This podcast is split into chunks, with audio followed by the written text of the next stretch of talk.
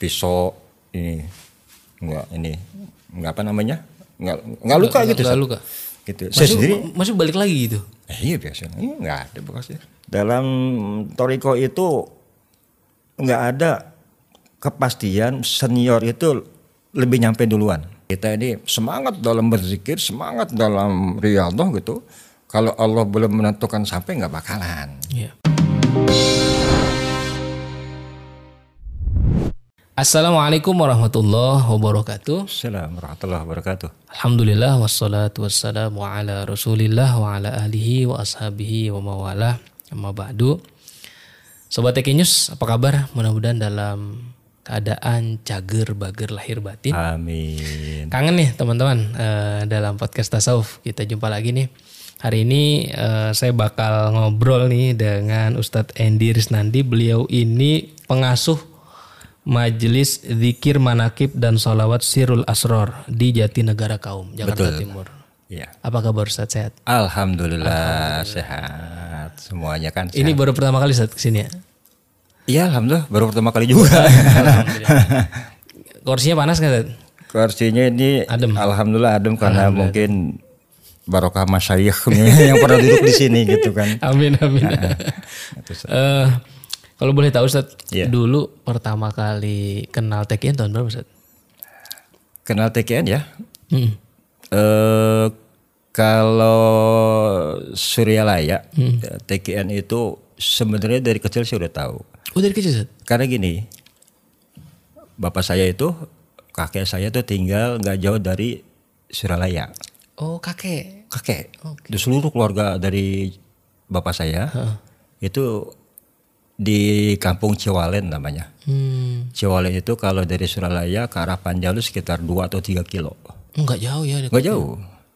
Jadi kan dikenalnya dulu kalau kalau kata kakek saya gitu ya, ajengan Godebag dulu itu. Oh gitu. iya. Jadi dari kecil saya udah tahu Suralaya dan eh, setiap kita pulang kampung selalu bapak tuh asal Suralaya abah Anom tuh Suralaya gitu Hmm. Dari kecil udah sering diajak Ustaz?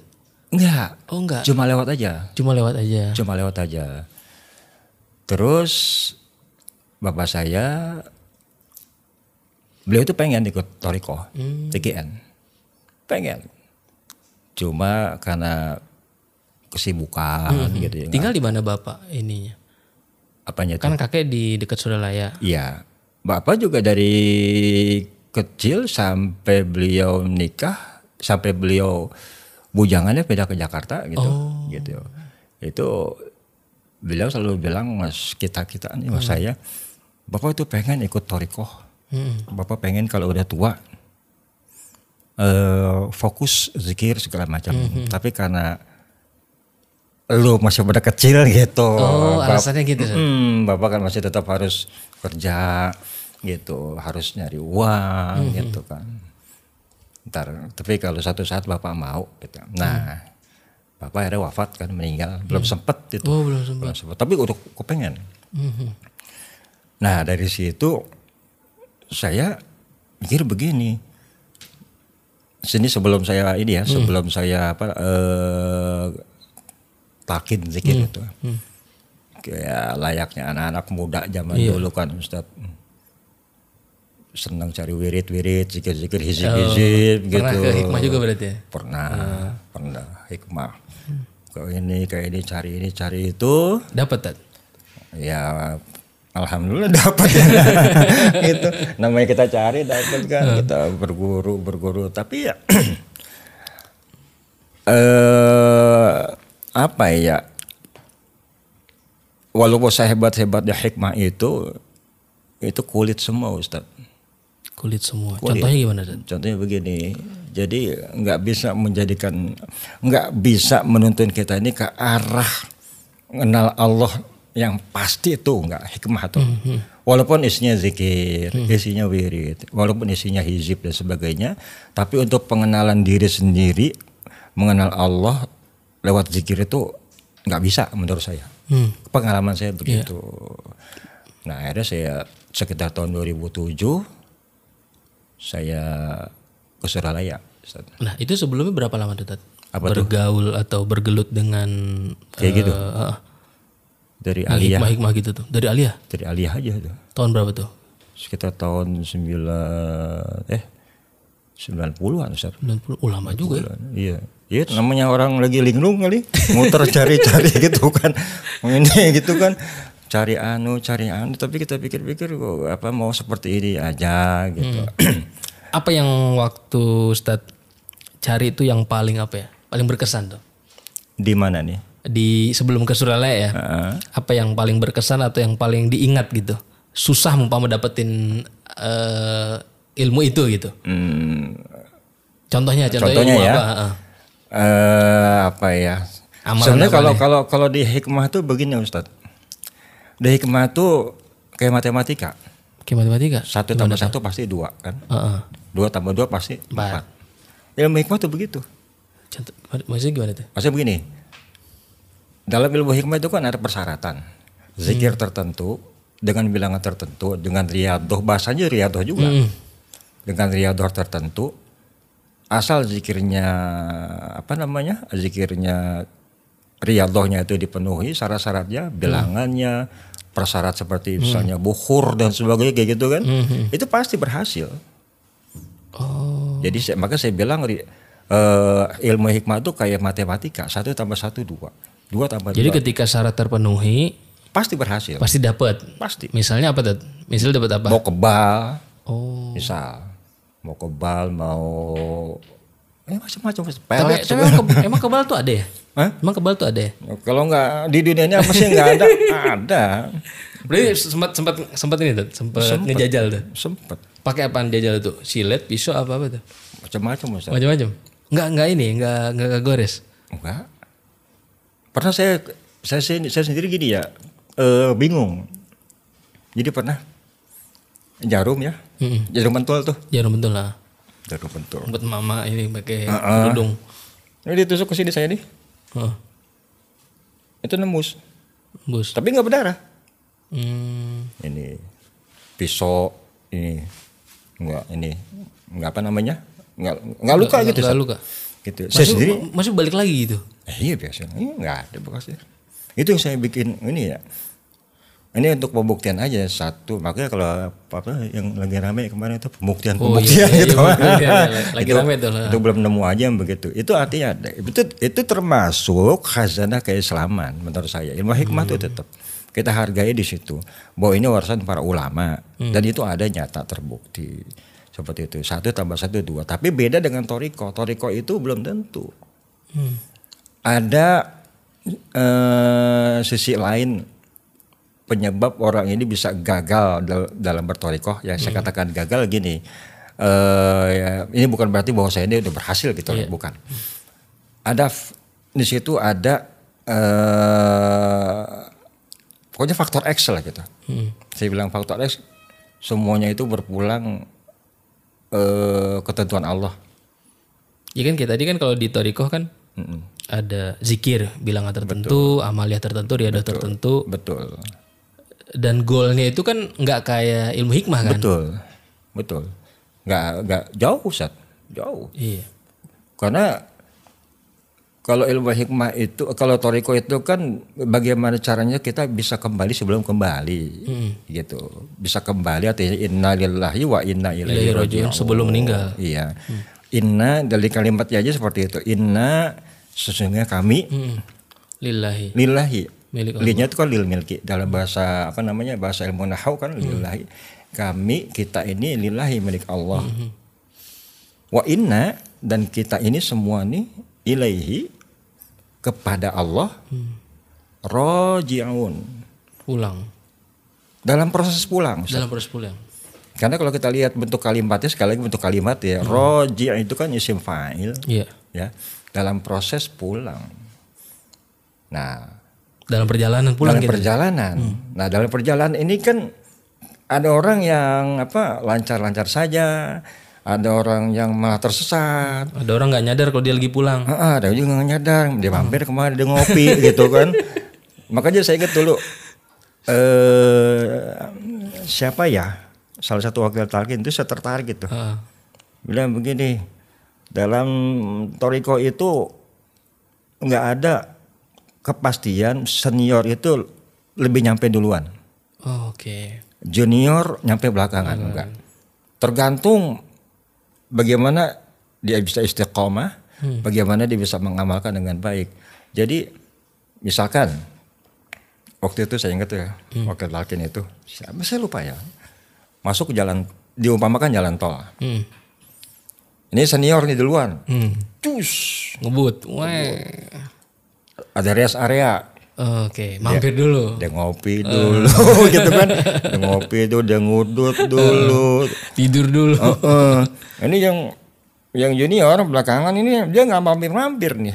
Oh. Terus sampai lah dia tujuan. Makanya dikatakan eh, senioritas dalam toriko tidak menjamin orang itu akan apa eh, berhasil berhasil duluan nggak juga tergantung. Makanya saya saya berani bilang dalam toriko jauh beda dengan hikmah. Hikmah satu kali satu pasti satu, dua tambah dua pasti empat. Dalam toriko tuh nggak bisa. Sehebat apa pun, sekuat apa, saya lupa ada ada makalah dalam al-hikam sawabikul himam la tasrikul anwar kalau salah gitu ya. Maaf kalau saya salah. Iya. Sehebat-hebatnya kita punya semangat itu tidak akan bisa membakar takdir. Tetap, tetap takdir di, di tangan Allah. Kita ini semangat dalam berzikir, semangat dalam riyadhah gitu. Kalau Allah belum menentukan sampai nggak bakalan. Iya. Gitu. Gitu Ustaz. Seperti itu. Itu yang eh, yang bikin saya tuh tertarik kembali ke tadi tertarik bahwa saya ini pengen masuk Toriko tuh seperti itu awalnya ya karena Bapak terus kita saya Toriko tahun 2007 2007 waktu itu yang mentalkin saya ajengan Sandisi Iya, di Suralaya. Di Suralaya. Kalau kakek berarti kan Ikhwan tuh. ya? Enggak juga, Oh enggak juga. enggak. Agak kakek enggak. Dia justru tahu aja gitu ya, sekedar tahu, aja ya. Karena di Ciwalen itu apa ya karena dekat dengan Suralaya gitu ya. Iya, biasanya yang deket malah nggak ngeh. Hmm, tapi banyak, Ustaz. Hmm. Banyak. Tapi kakek enggak, bapak enggak kesampaian dari saya. Alhamdulillah. ya. Gitu. Dicucu dapat cucu gitu, alhamdulillah. bagian juga tuh. Insya Allah. Dan yang pengalaman kita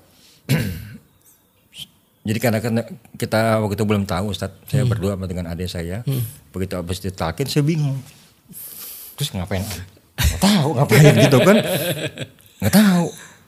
Tanya-tanya lu gitu kan. Udah akhirnya kita Eh, ke itu ke ada toko samping itu ya. Yang toko buku iya, tuh. toko buku. Kita beli buku di situ. Buku itu Kudul Juman, kita Kudul Juman, kita yang lain. Itu setelah tanya Iya, apa yang harus di iya. Bingung dulu, San. Iya iya. Bingung dulu.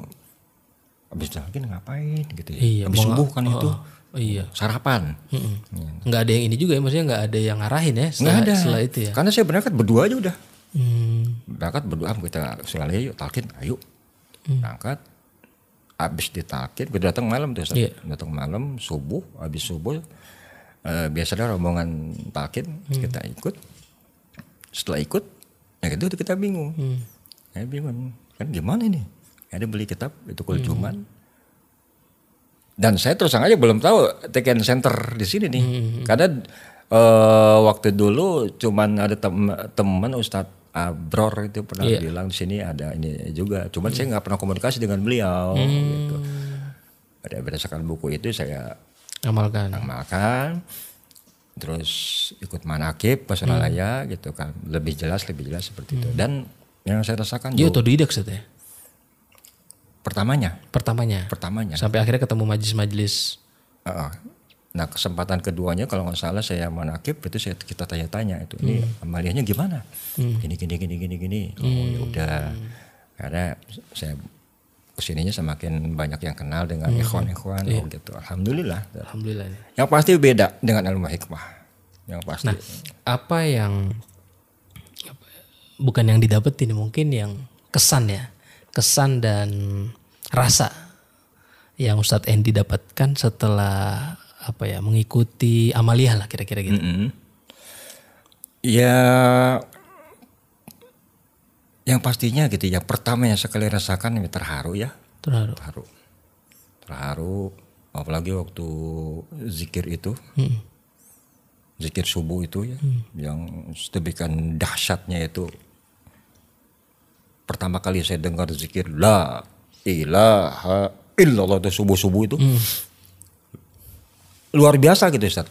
Beda dengan zikir biasa. Zikir-zikir yang bukan torikoh beda. Karena mungkin barokah dan sebagainya gitu ya ada di situ. Kalau nggak kuat-kuat mah pengen nangis Ustaz. Mhm. apalagi waktu talkin Hmm. Cuman kalau saya kan suka gengsi nangis Ustaz. Nah, Laki-laki, laki-laki. Ngapain kata Iya, orang iya. diam-diam. Mau nangis. Padahal hati mah pengen nangis. ya? Iya. Tapi kalau cuman suka nggak ketahan juga Ustaz. Iya. Gitu. Kalau saya agak-agak ini juga. Nahan-nahan ya. Hmm, udah terus dan satu pada Padahal mah bagus mah dilosin aja ya. malu. Malu juga ya. Malu. Ntar kalau saya lagi nangis ada yang moto kan, jelek. Gitu, Ustaz. Jadi sangat nyaman ya pastinya yang pertama. Yang keduanya itu karena mungkin faktor musalsalnya itu loh. Dari guru ke guru ke guru, masyayikh masyayikh torikoh itu kan nyambung mutasil ke Rasul. Limpahan-limpahan barokah itu pasti ada. Allah. Gitu. Dan itu yang insya Allah bisa menuntun kita gitu kan. Itu yang saya rasakan. Alhamdulillah. Berarti kan kebaikan, kemanfaatan, kenyamanan dan apa namanya eh, usaha untuk mendekatkan diri kepada Allah itu kan menemui jalan. Betul. Nah dan kemudian Ustadz Endi ini eh, akhirnya membuat majelis juga. Alhamdulillah. Majelis, Alhamdulillah. majelis zikir, manakib dan sholawat sirul asror. Iya, ini kan bisa dibilang sebagai langkah jangan cuman saya dong yang begini. Kira-kira gitu kali Ustadz. Iya. Ah, Begitu. gimana Ustadz? Kenapa bisa buat majelis namanya sirul asror? Oh namanya? namanya sama latar belakang tuh. Eh Sirul Asror ya. Heeh. Kalau saya kalau emang suka ya senang gitu Ustaz, senang dengan eh Sayyidi Syekh Abdul Qadir Al-Jalani radhiyallahu anhu gitu kan. Itu di antaranya kan beliau punya kitab Sirul Asror. Walaupun saya nggak pernah khatam, tapi minimal saya pernah baca. Gitu. Satu, jadi eh, ngambil barokah dari kitab Sirul Asror itu Tabarukan ya. tabarukan. Yang kedua, saya itu pertama kali diijazahin sama kiai itu selawat Sirul Asror. Nurul Anwar. Oh Nurul Anwar. Allahumma sholli ala Nurul Anwar Sirul Asror Wa wa tiryakil ajar. Dan pengarangnya kan Syekh Ahmad Badawi. Hmm. Syekh Ahmad Badawi kan muridnya Syekh Abdul Qadir. Iya. Syekh Abdul Qadir beliau punya murid dua yang kutub juga Syekh Ahmad Rifai dengan Syekh Ahmad Badawi. Jadi ya karena dua hal itu saya bikin nama Sirul Asrar. Kadang-kadang kalau saya bercanda sama teman-teman, teman Sirul Asrar kenapa? Sir rahasia, Asrar rahasia. Jadi misteri sebelum. Misteri. Ini majlis masjid ngumpet-ngumpet udah gitu. Dan memang keberadaan kita Ustadz eh, majelis kita ini eh, pindah-pindah Ustadz. Hmm. Karena kita nggak punya tempat Iya. gitu. Pernah kita ada kontrakan, kita ngontrak di atas, apa ada nempatin majlis di atas gitu. Jadi saya bilang makanya kita sirul asar ngumpet jadi ngumpet mulu jadi begini saya bilang gitu. gitu. Tapi yang penting walaupun eh, dengan eh, apa pernak perniknya tetap insya Allah berjalan. Alhamdulillah. Itu setiap apa? Setiap pekan atau majelis itu kegiatannya? Sebenarnya kalau fluktuatif sih Ustaz. Ini untuk untuk ininya ya, untuk kegiatan tuh fluktuatif. Hmm. Jadi ntar semangat, ntar enggak, Iya, ntar iya. kendor, pernah vakum juga Ustaz. Pernah seperti itu. Ya itu kita di- dinamika majelis lah ya. begitu deh, gitu. Kita ada ibu-ibu, ada. Cuman kalau ibu-ibu kan kita ya malum ibu-ibu ya. Iya. Mereka baca Quran aja dengan fikih. Hmm. Fikih itu kita pakai kitab uh, Fathul Qarib, ya takrib. Oh, Ustaz. takrib. Ah, takrib. Kemudian kalau untuk kita ini bawa bapak gitu, malam ahad kita bikin manakib Ustaz. Oh malam ahad. manakib. Zikir manakib gitu. Ada juga malam selasa kita Quran, Hmm. kemudian Belajar baca Quran. iya. Ada juga kita kalau awal-awal kita uh, agak penuh Ustaz. agak penuh kegiatan tuh. Oh ke- ke- kegiatannya Oh, oh. jadwalnya. ha. Malam Ahad kita bikin manakib dan salawat. Mm. Malam Selasa kita baca Quran. Mm.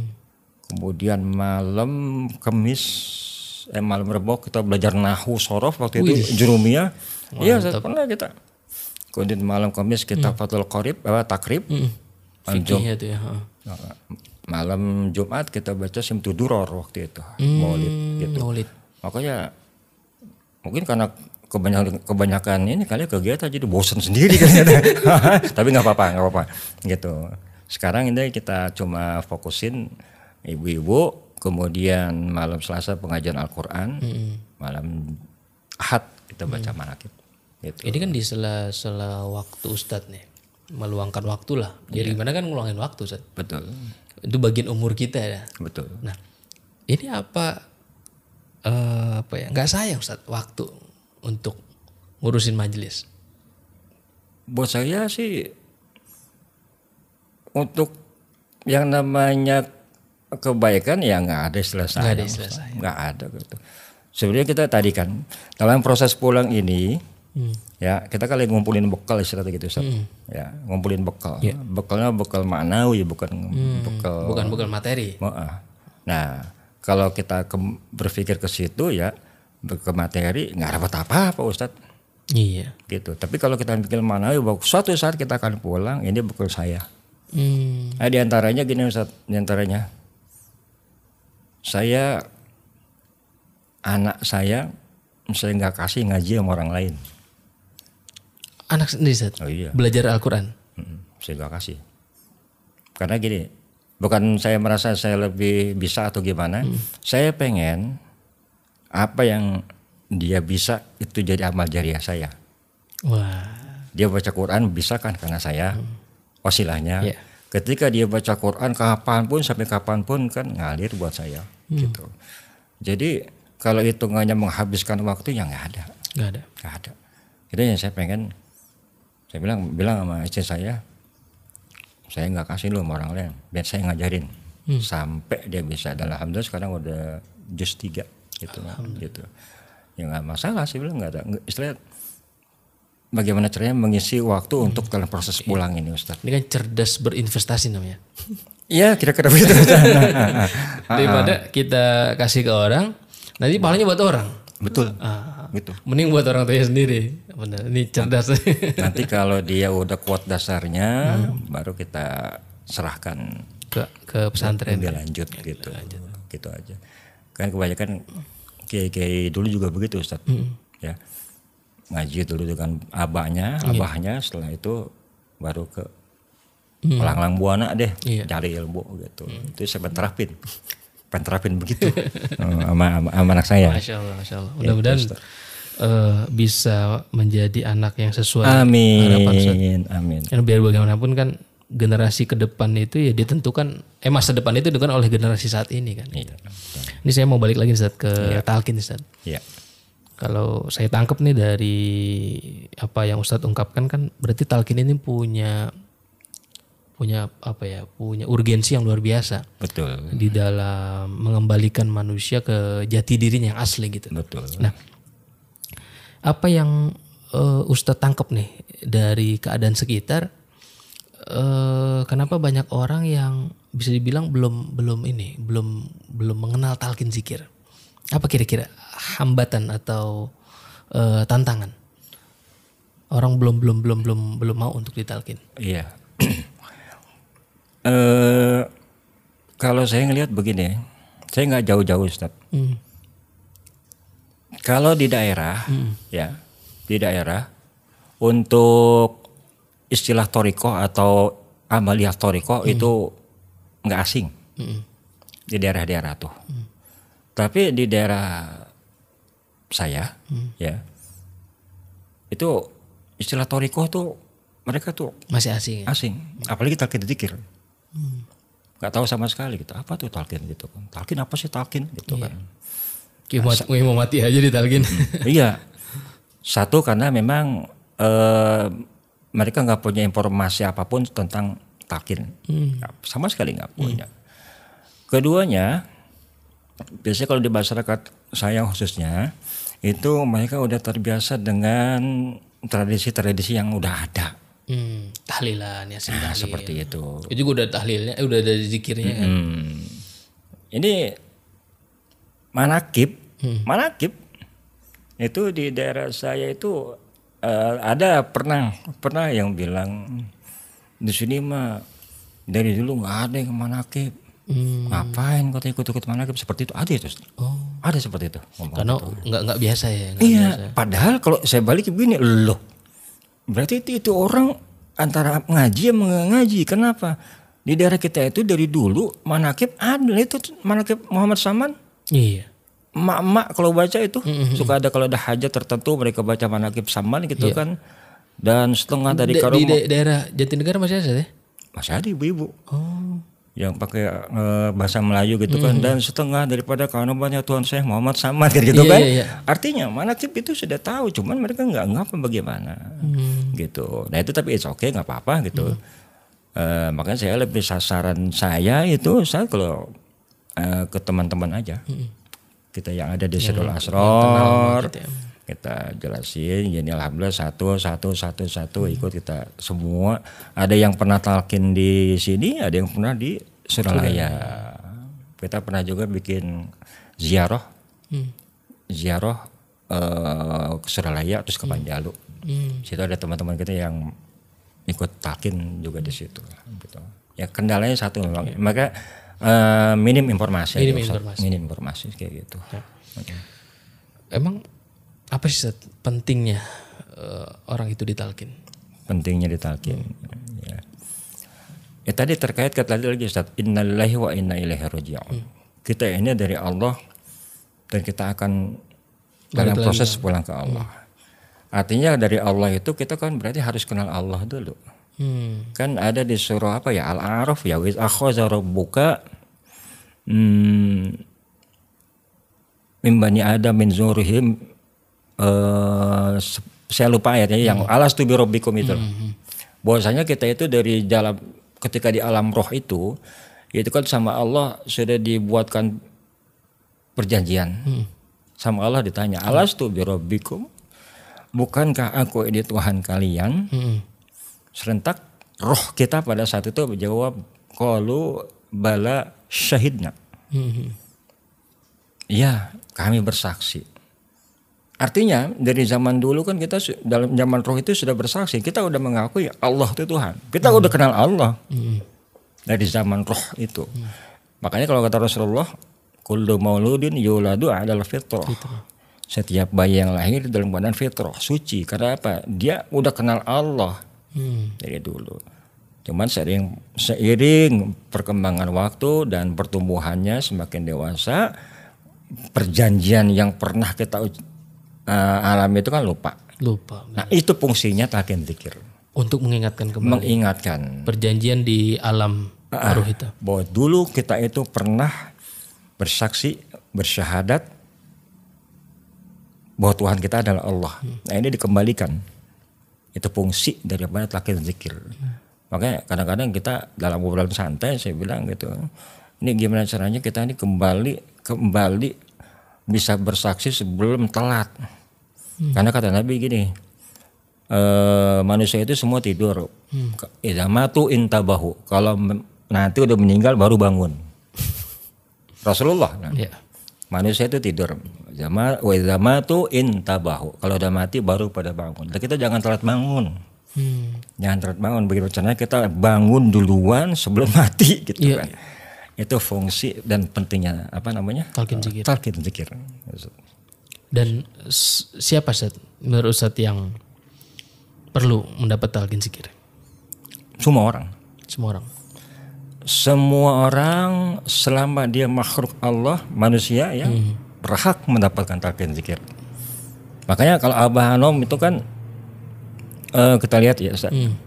Di Suralaya siapa pun yang datang mau dia ajengan, mau dia kiai, mau dia pejabat, mau dia orang biasa, mau dia preman sekalipun, Mau artis mau artis sekalipun ketika pengen ditalkin zikir Abah Abah pasti ditalkin. Saya belum pernah mendengar eh Abah itu menolak untuk memberikan memberikan talqin zikir belum pernah dengar saya. Gitu. Artinya semua orang berhak mendapatkan talqin zikir karena semua orang berhak untuk mendapatkan keselamatan. Semua orang. Makanya di antara makna watawasau bil haqqi watawasau bis sabr ya, saling berwasiat dengan kebenaran. Itu siapa orang yang punya kemampuan harta beri. Siapa orang yang punya kemampuan ilmu kasih. Siapa orang yang punya kemampuan wawasan kasih. Sem- Siapa orang yang punya kemampuan spiritual kasih ke orang. Itu bagian dari watawasau bil haq. Berwasiat tentang kebenaran. Nah, menurut saya Abah Anum itu di antaranya ya menjalankan seperti itu. Siapa pun orang berhak mendapatkan talqin zikir. Talqin zikir. Nggak ada pembatasan. Gak ada batasan. Nggak ada. Hmm. Kalau saya ngelihat Abah seperti itu. Alhamdulillah. Dan eh, pengalaman apa Ustaz? Waktu kan 2007. Ya, Kan mengerasa Abahana masih ada, masih masih aktif lah. masih. Nah, ada pengalaman Ustaz dengan beliau. Kalau sebenarnya banyak juga saat ya. Jadi kalau yang saya rasakan Abah itu dalam hal-hal genting itu dalam hal-hal genting adanya jalan keluar Ustaz. Ada gitu. Ya, kalau beda-beda kita ini saya ini kan mudah-mudahan diakui murid. Ya. Tapi seandai- seandai- seandainya pun diakui murid ya murid yang geblek gitu ya. ya, tapi Abah masih mau gitu. masih mau gitu menolong muridnya yang geblek seperti saya gini kan dalam hal tertentu. Terus pernah juga pengalaman begini Ustaz. Waktu kita ke Suralaya, saya sama keluarga sama adik-adik saya, ponakan-ponakan saya gitu kan.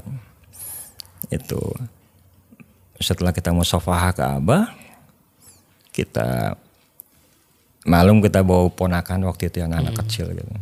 Bermain di luar madrasah tuh. Itu pintu madrasah masih terbuka Ustaz? Hmm, nggak ada tamu. Gak ada tahu. nggak ada tamu. Itu abah kan duduk ya. Hmm. saya bilang ini kita lagi diperhatiin abah loh saya bilang gitu. Eh, gitu kan. "Hah? apa? Nggak ada tamu Ustaz. Ya kan apa bisa aja abah kan tutup lah ngapain gitu kan udah udah nggak ada tamu. Ini gitu kan bisa aja seperti itu kan. Tapi ya menurut saya merasa ini abah apa ngasih perhatian. Mm, masih perhatian kita sama apa ponakan-ponakan gitu. Apa begini kan mungkin saya sama adik saya saya abah kali nggak ada tamu nih merhatiin no saya bilang. Gitu. Alhamdulillah kita ponakan semua tuh bisa Sangat welcome deh Abah. iya. Terbuka apa namanya itu abang satu nggak pernah menolak untuk memberikan talqin kepada siapa pun dan kedua abang nggak pernah menolak tamu siapa pun. Ya waktu itu ponakan saya masih kecil Ustaz baru baru baru dua tahun tiga tahun gitu. Terima aja nggak ada masalah. Dan justru lagi seakan-akan abah tuh menatap terus. Ya orang kelihatan kan? Itu terbuka gitu kan gitu malu-malu juga ada abang lihat gitu kan. Itu. Dan alhamdulillah itu di- buat saya itu nikmat. Karena eh, pandangan orang yang alim pandangan nazratul alim ya itu bukan pandangan biasa Ustaz. Itu. Bukan pandangan yang apa namanya seperti kebanyakan kita tapi beliau-beliau itu memandang dengan penuh kasih sayang dan karena di hatinya ada nur pasti memandangnya pun dengan nur Allah maksudnya. gitu. Nah kita kan nerimanya begitu. Makanya pentingnya kita eh, punya Syekh Mursid di antaranya begitu Ustaz. Pentingnya Syekh Mursid itu beliau itu selalu memancarkan cahaya. Tinggal kita tangkap-tangkap aja kalau sebisanya gitu. Ketika kita mampu menangkap, tangkap. Ketika ada kesempatan tangkap, ya tangkap gitu. Makanya itu itu berlama-lama juga di situ di situ. Aja mumpung juga. Ya, gitu. juga. Kapan lagi itu itu buka begitu. Itu di antara pengalaman. Ada pesan-pesan nggak Ustaz untuk Ikhwan ya? pesan Hmm. eh kalau pesan khusus sih nggak ada Ustaz. Pasti nggak ada. Karena untuk pesan itu semua sudah terta- terangkum di, di tanbih aja, di tanbih gitu. Kalau saya nggak berani apa memberikan pesan gitu. Cuman bahasa klise aja ya mari sama-sama kita istiqomah gitu aja. Itu aja. Ustaz. Ah, gitu. Makasih Ustadz Endi. Iya, sama-sama. Mudah-mudahan majelisnya semakin berkah. Amin. Anak cucu keturunannya juga bisa melanjutkan perjuangan Ustadz Endi. Amin. Amin. Oke, terima kasih Sobat TK News sudah menyaksikan dan eh, mendukung channel TK News. Insya Allah Sabtu mendatang kita akan jumpa lagi dalam podcast Tasawuf. Jangan lupa download aplikasi TK News. Assalamualaikum warahmatullahi wabarakatuh. Assalamualaikum warahmatullahi wabarakatuh.